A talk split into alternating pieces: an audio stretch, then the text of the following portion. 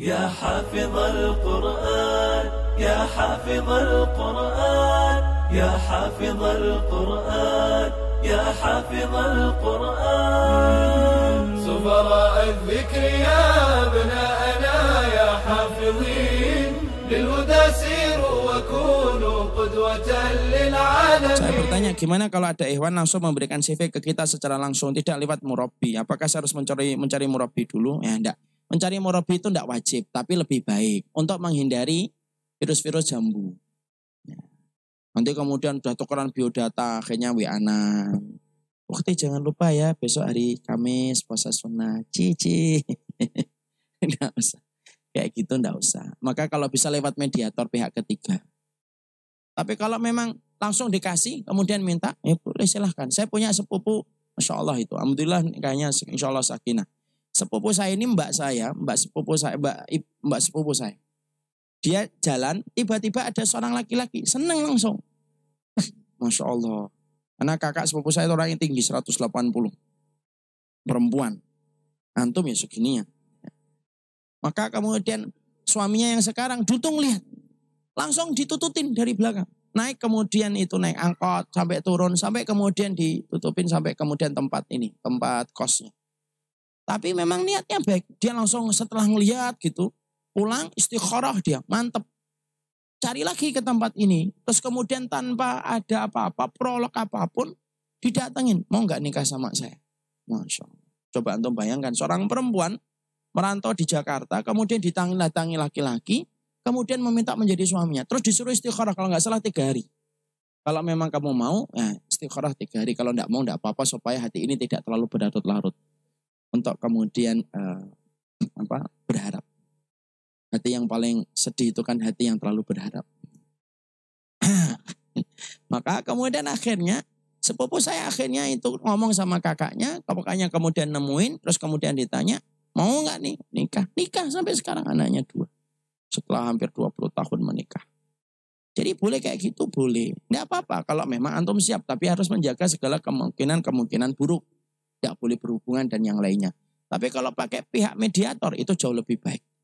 Contohnya saya mau nikah itu contohnya gimana sih Ustadz? Ini saya ambilkan contoh. Ini beliau mau nikah nih. Datang ke saya. Misalkan saya punya banyak binaan akhwat. Cuma kan saya kan binaannya nggak akhwat. Binaannya ikhwan semuanya. Kemudian ngomong, saat saya mau nikah, oke. Okay. Kalau bisa, buat CV. CV itu tidak wajib.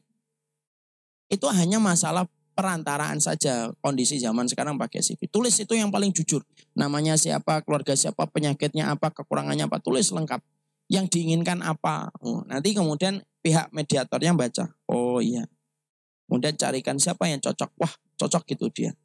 Kemudian ikhwannya dilihatin dulu. Kalau antum sama dia mau enggak? memperlihatkan itu dengan dua cara, dua metode. Ini masalah ini masalah yang sifatnya furuk ya, boleh tidak sama. Yaitu langsung dilihatkan. Nanti kalau pas dia pergi ke pasar, kita ngomong ustadznya ini mediatornya ngomong sama kakaknya. Nanti adikmu ada yang seneng, tapi dia pengen ngeliat dulu. Ya sudah, dia biasanya adik saya itu pergi ke kantor jam 7. Nah, pas jam 7 ngeliat lewat papasan ya. Atau kadang-kadang ke rumahnya bertamu gitu. Terus nanti adiknya disuruh nyajikan teh. Boleh kayak gitu. Tapi tetap ada pihak ketiganya. Atau kemudian langsung tukeran data, itu juga boleh. Kalau kemudian semakin cocok, nah nanti nandor. Semakin cocok adanya khidbah dan pernikahan. Paham di sini prosesnya?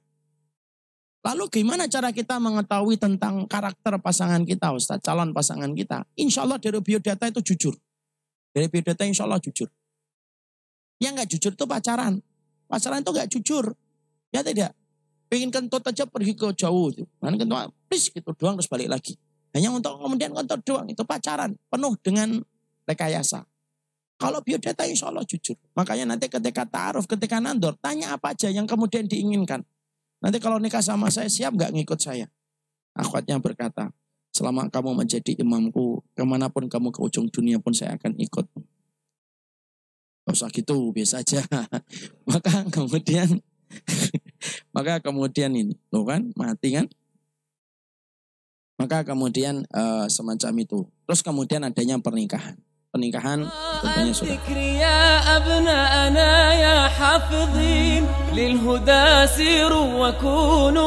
قدوة للعالمين سفراء الذكر يا أبناءنا يا حافظين للهدى سيروا وكونوا قدوة لل